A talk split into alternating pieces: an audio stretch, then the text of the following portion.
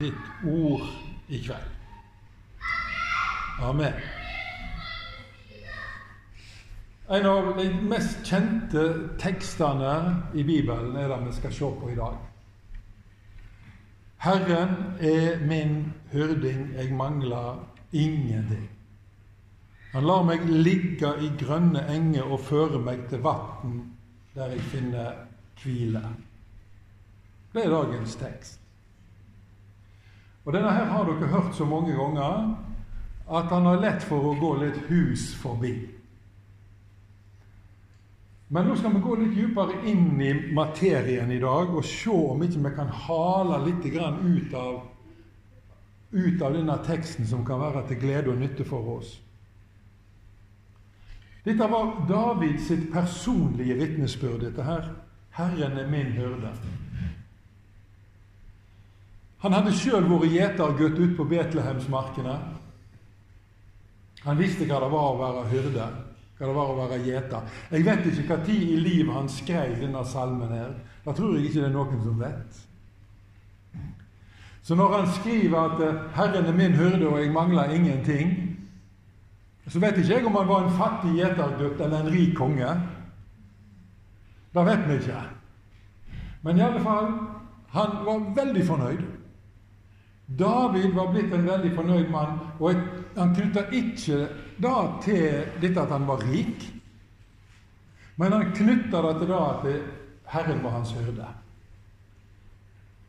Og Da ser vi at den sanne rikdommen i livet, den ligger i å eie Gud. Det er han som er den sanne rikdommen. For har du ikke Gud, så er det et uendelig fattig menneske, om du er mange milliardær. Det er faktisk noen mange milliardærer i våre dager. Visste dere det? Det er ikke noen av dere, altså, så langt jeg vet. Men de eksisterer. Mange milliardær. Høres det bra ut? Nazi, og kunne tenkt seg å være mange milliardær. Er det flere her som kunne tenkt seg det? Ja, ja. Eh, kanskje jeg og noen til kunne tenkt oss da. Ok, vi tuller litt. Men i alle fall Er du mange milliardær uten Gud, så er du et fattig menneske. Er du et fattig menneske med Gud, så er du et rikt menneske. Sånn er det bare. Men David han opplevde rikdommen i Gud på en slik måte at han var veldig fornøyd. Han var veldig fornøyd. Vet ikke om dere husker Jesus og den samaritanske kvinnen. Selvfølgelig husker dere henne. Hun som satt ved brønnen. ikke sant? Og hun var jo egentlig i en litt ekkel situasjon. Sannsynligvis så var hun veldig mislikt av de andre som bodde i Sykarbyen. Men så fikk, fikk Jesus føre inn i frelsen. Han fikk frelst henne. Og så kommer disiplene hans tilbake. Og det er vært inn i Sykar og kjøpt mat. Og der har Jesus sa, her har du mat til deg. Du er sikkert kjempesulten, du har gått langt og Nei, sa han da. Han sa nei. Min mat er å gjøre Hans vilje som meg. Han hadde vært i tjeneste for Gud og han var mett. Han var ikke sulten lenger. Og Jeg vet ikke om dere har opplevd noe sånt som dette her. At når dere er i tjeneste for Gud, så får dere energi, også rent fysiologisk. Jeg har opplevd det flere ganger. Og sånn er det bare. Fordi at du er så happy fordi du får tjene Han som har skapt himmel og jord, og som har gitt livet sitt for oss. For å føre oss inn i fellesskapet. Det er en fantastisk ting å få lov til da. Og David han var alltid i tjeneste for Gud gjennom lovsangen sin, og sikkert på andre måter også. Dette er Davids vitnesbyrd. 'Herren er min hyrde, jeg mangler ingenting.' Og jeg vil at da vitnesbyrdet skal også være mitt vitnesbyrd. Og da vil kanskje du for din del òg at det skal være. At du skal kunne si 'Herren er min hyrde, jeg mangler ingenting'. Jesus sa til disiplene sine at de skulle følge Han. Og skal vi definere hva det er å være en kristen, så kommer vi ikke nærmere enn dette. Å være en kristen er å følge Jesus. Noen sier at det er forskjell på å være kristen og være disippel. Og Da tenker de nok at en disippel det er en person med litt sånn stort kristent engasjement. Og en som lever litt mer disiplinert enn en vanlig kristen. Men jeg har vanskeligheter med å se at folk som ikke følger Jesus, at de er kristne i det hele tatt. For dersom de ikke følger Jesus, så må de enten følge sitt eget hjerte, eller så må de følge en eller annen, annen autoritet. Men det er jo bare gjennom å følge Jesus vi har samfunn med Gud, fordi Jesus er den sanne Gud. Det er bare gjennom Han vi kan regne oss for å være Guds barn. Så folk som ikke følger Jesus, Nei, de er ikke kristne. Da er de ikke, selv om de sier med seg sjøl og til andre at jeg, jeg er kristen. Sant? Jeg er kristen. Men hvis de ikke følger Jesus, men følger sitt eget hjerte, og sitt eget hode og sine egne lyster Nei, nei, de er ikke kristne. Herren var David sin gjeter. Men en gjeter har aldri bare én sau i flokken sin. Som regel så har han mange sauer i flokken sin. I denne salmen her så er vi ikke nevneverdig opptatt av de andre sauene, bare av denne ene sauen, nemlig Davidsauen. Men likevel så skal ikke det hindre oss i å utvide perspektivet litt grann, og tenke som sånn Vel, er jeg, en, er Jesus sin sau, så har jeg mange søsken. Så har jeg mange søsken. Så har jeg en stor slekt, en stor familie. Du tilhører en flokk. Du tilhører ei gruppe mennesker som du kjenner navnet på. En gjeng som du hører sammen med. Hva er en menighet for noe? Jo, det er kristne som elsker hverandre, og som har bestemt seg for å tjene Jesus sammen. For å vinne nye mennesker for han, og for å fostre dem til å bli etterfølgere, disipler og menneskefiskere. Jesus sa til Peter, 'Følg meg, så skal jeg gjøre deg til en menneskefisker'. Det er det som er disippelskapets program. Det er å lære seg å fiske mennesker og vinne folk for Gud. Det er det som er programmet. Så har du i hele tatt en disippelidentitet, så er du en person som er opptatt av å bringe Guds kjærlighet inn i andre folks liv.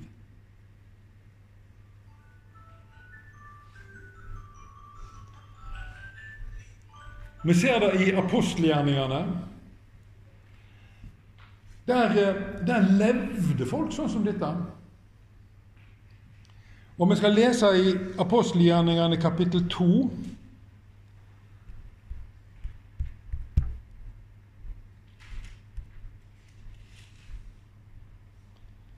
Må bare lete det fram her.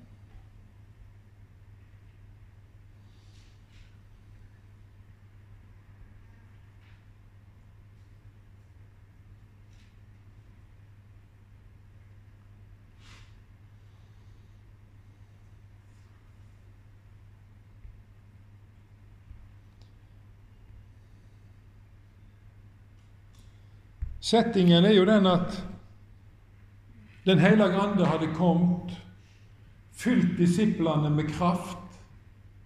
Og han hadde samla en haug med mennesker rundt disiplene. De var omtrent 120 stykker. Og når Den hellige ande kommer, så skjer det en masse ting i en forsamling, i en flokk, med menneskene. For han er sendt nemlig fra himmelen for å overbevise oss om at Jesus er Guds sønn. Han er sendt for å overbevise oss om at vi har bruk for frelse. At vi har bruk for Jesus.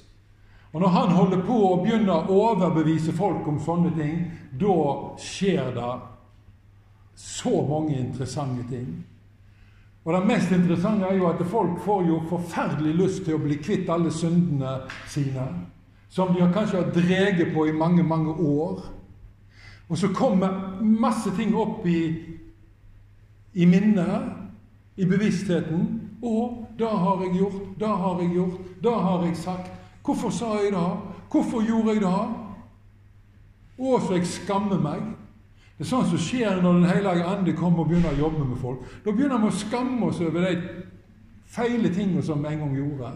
For de feile tingene som vi en gang sa. Og så får vi et desperat behov for Jesus, altså. Og det er da vi begynner å spørre liksom, hva, skal jeg, hva skal jeg gjøre for å finne fred med Gud, for å finne frelse?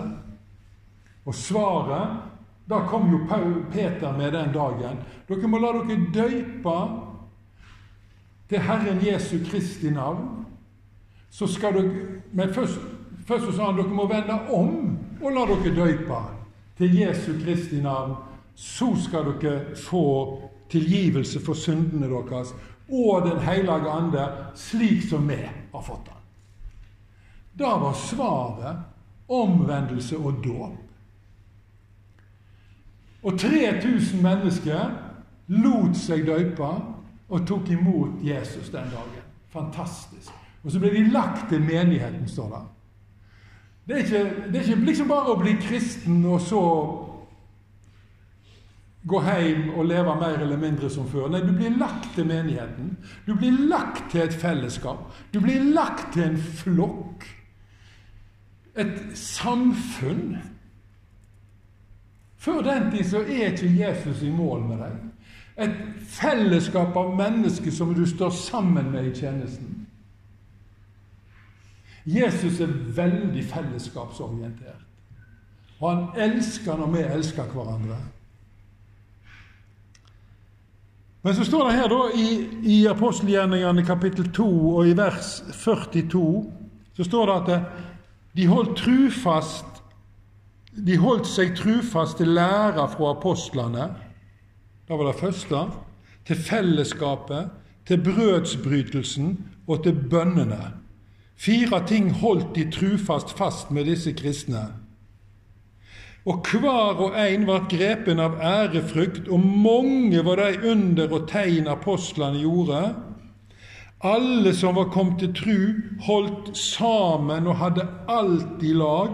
De solgte eiendommene sine og annet gods og delte ut etter til hver som hver trong. Det hadde ikke hjulpet å være mange milliardær der, altså. Da måtte du bare ha delt ut mange milliardene dine. Skal du leve kristelig, vet du, så må du dele ut alle milliardene dine. Kan ikke sitte på dem. Det blir feil. Det blir ikke etter Guds plan med deg. Ha, var ikke det litt interessant? Et godt budskap til alle mange milliardærer. Gud har en fantastisk plan med ditt liv. Gi vekk dine mange milliarder, milliarder og opplev Guds velsignelse. Ja, det er jo sånn. Det er jo sånn. Det er et revolusjonerende budskap som Gud har. Og du og meg, vi sitter her, og vi har ikke mange milliarder. Det har vi ikke. Men kanskje har vi noen tusen, eller kanskje har vi noen hundrelapper. Og kanskje føler du at du har så lite at du må holde veldig fast på det du har, så ingen kommer og tar det. Ikke ta det. Ingen skal få vite hvor mye penger jeg har nå. Jeg skal ikke si at det er en sjel du skal få. Men Gud vet hvor mange penger du har. Han sier vær raus. Del. Vær ikke et påholdende menneske. Så skal du få oppleve min velsignelse. Skal du få oppleve at jeg kommer til å fylle på hos deg på mange forskjellige måter. Jo mer raus du er med dine materielle midler, jo mer raus vil jeg være med mine åndelige velsignelser. Kanskje det er noen av dere som virkelig ønsker og lengter etter å fungere i nådegavene. Så begynn å gi. Ikke hold fast å ha du men begynn å gi. For Jesus sier hvis du ikke er trufast i det som har en liten verdi, hvem kan da gi deg noe av stor verdi? Og pengene som du og jeg har, er veldig lite verdt i forhold til de enorme nådegavene som Jesus sitter og forvalter. For det er det han gjør. Det ble så sterkt for meg så skjønner du, på Kristi himmelfartsdag. Fikk jeg se Jesus sitte ved fars høyre hånd. Hva holder han på med? Han holder på å kalle og utruste og sende sine barn ut i misjon. Det er den måten man driver historien framover på fram til han sjøl skal komme igjen for å dømme levende og døde. For når evangeliet om riket er forkynt som et vitnesbyrd for alle folkeslag, da kommer han. Vi sang det jo noen et i stad. Han kommer! Men han kommer ikke før planen hans er fullført. Og så sitter han der, og så kaller han folk ut i misjon, og så utruster han folk med nådegave, og så sender han dem. Har du lyst til å bli utrustet med Guds nådegave, så vær et raust menneske. Ikke vær påholdende. Og da følger ikke Gud bare opp med nådegave og åndskraft i livet ditt. Han tar også vare på deg rent timelig, rent materielt. Han er så trufast mot seg sjøl og sine løfter. Du skal ikke være redd et øyeblikk for å være løs raust menneske.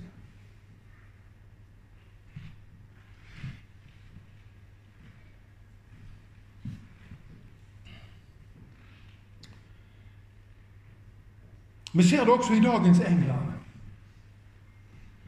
Den anglikanske kirka i England, den forvitrer. Og folk forlater den anglikanske kirka i England. For der er altså lite å hente. Det er blitt liberalt teologisk, det er blitt ritualistisk. Og det er litt gjennom det som vi så i apostelgjerningene to, at hver dag kom de sammen, og så delte de alt godt med hverandre, både når det gjelder åndelige og når det gjelder det fysiske. Så den anglikanske kirka i England, den er på retur. Men hvem er det som går fram i England? Vet dere det? Det er de afrikanske menighetene.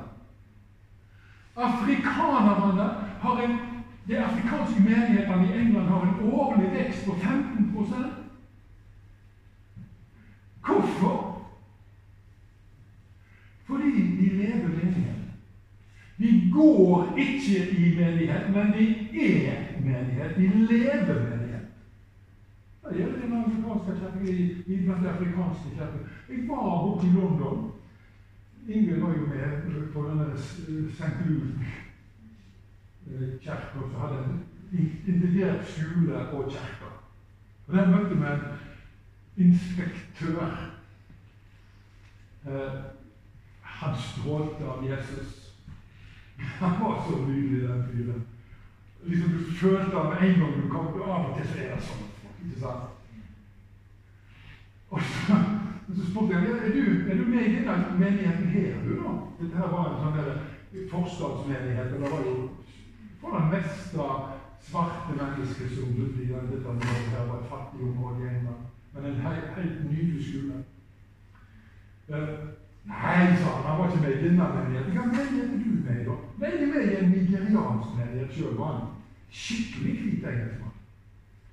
Men han var med i en nigeriansk menighet. For han sa sånn Det er der det skjer. Det er der det skjer. Den der kraften der, vet du. Fordi hvorfor? Hender det? Jo, de samler seg. De samler seg på daglig basis for å prise Gud, for å dele ordet med hverandre, for å ete sammen. En helt annen puls i kristenlivet men altså vi er vant med. Vi er vel ikke i nærheten. Men hvordan kan vi være fornøyd med sånn vi har det? Er veldig bra. Men av og til så går vi godt og er fornøyde. Men har vi ikke noe sånt rundt det i forhold til menighetsvekst og sånn? Jeg tror Gud kaller oss inn i noe helt nytt. I noe som er større, i noe som er bedre. I noe som er tettere, i noe som er nærere. Og han vil velsigne. Hva holdt disse her 120 kristne på med før Den hellige ande kom på pinsedag? Vi er jo inne i pinsen. Vi må jo snakke om pinsen. Hva holdt de på med? De som lovsanger til Gud. Hver eneste dag var de sammen på øvre sal, som det heter. Da går jeg ut ifra en nedre sal, der har jeg aldri vært. Men det var på øvre sal. Oppe i andre eller tredje etasje på et hus, og samla de der hver eneste dag. I forventning til at Jesus skulle sende hele gangen. Og hvordan venta de? De hadde en aktiv forventning i at de som lovsanger til Han, som var er verdt vår lovsang og frelser vår Og etter ti dager den måten å leve på, så kommer Han med kraft Først som en vind, og så kom han som en stor eldtunge som skilte seg. seg. Jeg ser det her, disse tallene som får meg opp i øvre sal, så står det der og brenner det flammer på toppen. Veldig sikkert litt morsom situasjon. Tenk på det, David, hvis du hadde plutselig fått en liten flamme som brant opp over på deg. At det var litt morsomt. Det var så synlig, det var så håndgripelig, det var så tydelig at nå kom Gud. Det var Gud som kom og velsigna sin flokk. Og her er det ting som vi må få grep på. Altså. For vi må være ærlige og si at trua på Jesus er på retur i Norge. Og ikke litt retur. Som jeg sa på gudstjenesten på søndag 90% av alle kristne studenter i Norge tør ikke si til andre folk at de er kristne. 90 Hvorfor tør de ikke å si at de er kristne? De er redd for kanselleringskulturen, de er redd for å bli stilt utenfor, de er redd for ikke å få jobb når de er ferdige med studiene sine. At det, Arbeidsgiveren skal sjekke hva tror du på hvem er du egentlig og er du en engasjert kristen. Ok, nei takk. Og det verste det skjer. Dette er ikke en ubegrunna frykt. Det er en godt begrunna frykt i dette landet. Arbeidsgiverne burde tilsette alle kristne til de har fått den beste arbeidskraft. Men de er litt idioter i hodet, og så hopper de over dem, for de vil ikke ha noen religiøse diskusjoner på arbeidsplassen sin. Altså, sånn. Litt koko folk, men det er noe å ha på forholdet til. Men så sier Jesus Hvis dere har lyst til å være i lag med meg, folkens Hvis dere vil følge meg, og nå er vi tilbake på disippelskapet, så blir dere nødt til å ta korset deres opp og følge meg. Du blir nødt å innstille deg på å dø. For den som bærer på et kors gjennom gatene i Jerusalem, var innstilt på å dø.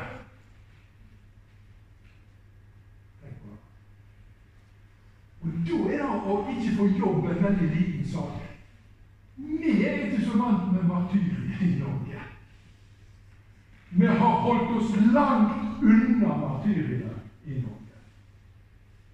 For vi hater lidelse. Ja, hvem gjør ikke det? Det er jo ingen som elsker lidelse. Det er jo ikke sånn. Men i mange land, bl.a. i Eritrea, så har det mye større konsekvenser å fortelle at Hei, folkens, jeg tror på Jesus. Jesus er min hyrde. Jeg mangler ingenting. Hallo, folkens! Jeg syns du også bør ha tro på Jesus. Jeg. Hvis du har tenkt deg til Guds himmel, så syns jeg du skal begynne å tro på ham med en gang. Men det rare er at eritreerne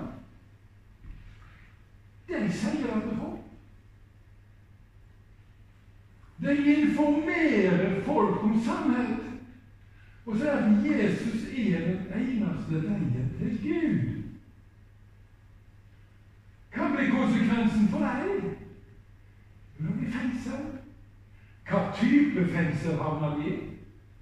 Fengselet er for små til å fylle alle folka som de arresterer i Eritrea. De putter de inn i stålcontainere. Mange dør der. Da er prisen som de betaler for å bære korset sitt i Eritrea. Det er et av de verste landene i verden med tyngst forfølgelse. Eritrea, Iran Iranerne kan risikere det hvis de står fram som konvertitter, så blir de til anklager for apostasi, som betyr eh, et eller annet. Eh, frafall. Frafall. Og er de tydelige på det, så er det i fengsel. Og straffene i Iran blir større og større for de kristne. Tidligere så fikk de kanskje to eller tre år i fengsel. Nå får de åtte til ti år. De strammer til og strammer til. Men spør om disse folka vitner om Jesus, altså. Der står de på. Og hva er resultatet? Jo, de har en årlig kirkevekst i Iran på 22 Det er aldri noen gang i historien vært så stor kirkevekst i noen nasjon som det som skjer i Iran. Fantastisk. Og Jeg leser av og til hva disse folka skriver. De skriver. Og når vekkelsen tar tak i folk, hva gjør de som en leder av det? De setter seg, de skriver. De skriver helt enormt. Og sender ut.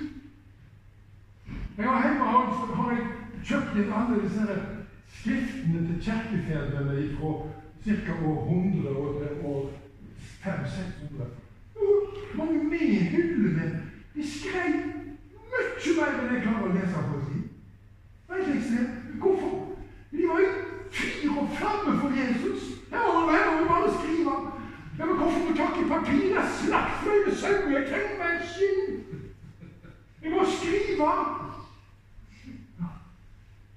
Gjør iranerne når skriver? Sender ut evangeliet på nett. Men de betaler prisen. Det. Men det er ikke farlig, folkens, å lide for Jesus. Det er motsatte som er farlig for oss. Er det som skjer med dem? Jo, de heller så tett sammen. De varmer hverandre. Det var sånn som jeg sa til, når vi starta denne viken der inne på, på, på uh, matsalen. De samler seg om Jesus. Og du vet at når noen samler seg om Jesus, hva skjer da? Jo tettere de kommer inn på han, jo tettere kommer de på hverandre. Det er sånn logisk hvis du tenker på en sirkel. Vi begynner der ute, så er det lang avstand, og så suger de seg inn mot kraftsenteret som er Jesus. Også.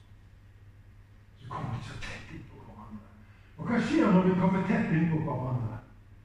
Jo, da tar vi imot varme fra hverandre. Det er jo sånn. Når jeg var i militæret, så lærte jeg at hvis jeg så at det var en eller annen som var veldig forfrossen, eh, en soldat, en medsoldat som var veldig forfrossen, putt han inn i soveposen din, og så går du inn i soveposen i lag med for å varme ham. Det er soldatmetoden for overlevelse i streng kulde. Vi trenger varme fra hverandre. Det er fellesskap. Og Hvis vi bare tenker på disse bildene som Jesus brukte om fellesskapet Altså, jeg er vintreet, og dere er greinene. Det er en sånn renhetsformulering uten sidestykke. Men det betyr jo at når kraften går ut i greinene, så går den ut ifra grein til grein. Kanskje du og meg ofte tenker at hvis Gud skal velsigne meg og gi meg inspirasjon og kraft, og sånn, så skal jeg ha det direkte fra himmelen. Rett point! Og Gud sier Sorry. That's not my way. Hva er din vei nå? Du får det gjennom dine søsken. Du får det gjennom fellesskapet. Min kraft og min kjærlighet siver ut i treet, grein for grein. Og du må bare sørge for å holde deg nær til dine kristne søsken. Så skal du få Der ser vi en hemmelighet.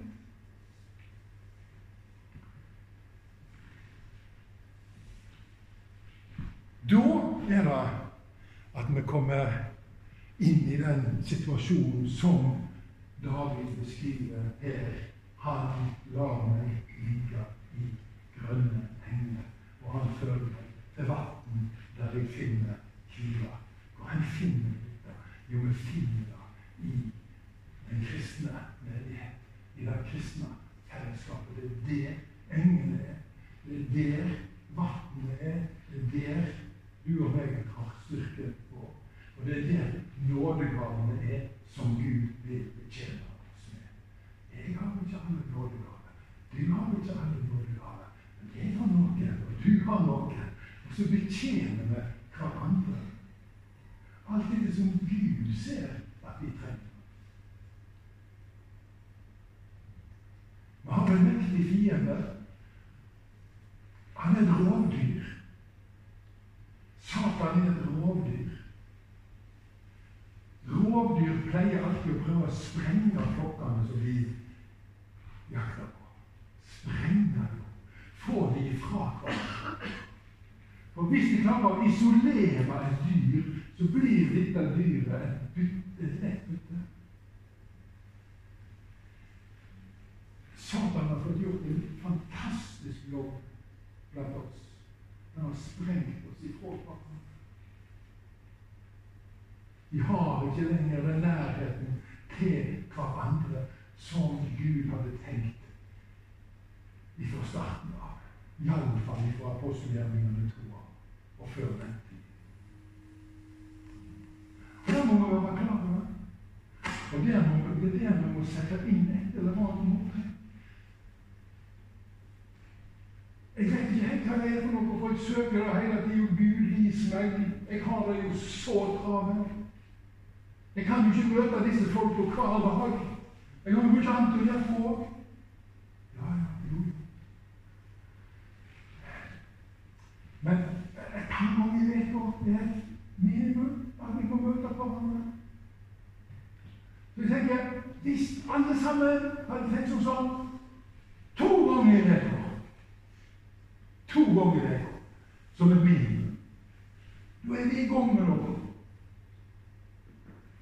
At vi samles til gudstjeneste på søndagen, og så samler vi et mindre gruppe midt i uka. Da er vi i gang med noe. Jeg tror ikke det er tilstrekkelig, men jeg tror vi er i gang med noe. Da er vi i alle fall i en fase der vi kan bli tatt vare på og bli bevart. Jeg har i de siste årene sett for mange kristne som har vist trua si. Jeg vet ikke om dere har lagt merke til det? Jeg har, og dere òg. Raser ut ifra Guds menighet. Det er fordi flokken er sprengt. Og nå heller motstanderen på oss og sprenger opp i Hillsong. Den farligste kristne bevegelsen som har hatt i vår tid, sammen med Bethel Church. Er Hillsong. Hva skjer? Jo, vi får et skikkelig missil inn i den forsamlingen. Vi er så vant med raketter i våre dager. Men det fins raketter som er farligere enn Putins raketter. Tro meg. Mye farlig. Og vi ser at menigheter blir sprengt. Kirkesamfunn. Og hva skjer med de folka som opplever det? En stor del av dem mister trua på Jesus.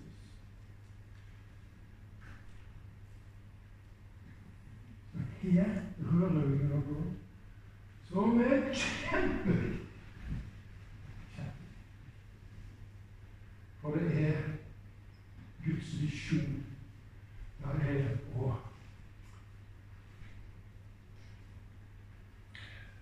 skape seg en brud som er forberedt til å ta imot ham når han kommer. Som er full av kjærlighet. Og som er full av kraft. Da er hans visjon og hans drøm. Derfor må du feire pinse. Og vi sier Helligånd, kom til oss. Du ser vår forfatning. Du vet hvor vi er her i livet vårt. Du kjenner vår tilstand. Du kjenner menighetens tilstand i Norge. Du kjenner menighetens tilstand i Skandinavia. Overalt så vet du om våre gjerninger, som du sier i Johannes åpenbaring. Jeg kjenner vet om dine gjerninger. Og så har du litt ulike budskap, men vi har lyst til å be deg, Herre, om at du hjelper oss til å holde oss nær til deg og nær til hverandre. Og være skikkelig på sporet. Ikke av store kristne, men på store kristne. Ikke av logga kristne, men på logga. Herre, at vi holder oss til fellesskapet, til brødsbrytelsen, til bønnene og til apostlene sin lære. Du vet hvordan vi har det, hver enkelt av oss som sitter her. Du vet hva som er viktig for oss.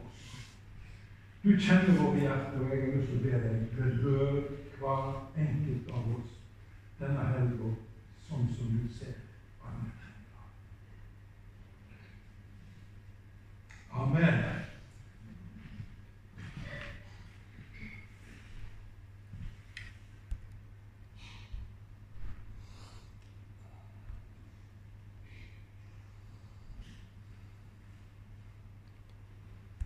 Ja, da har jeg sagt en hel masse.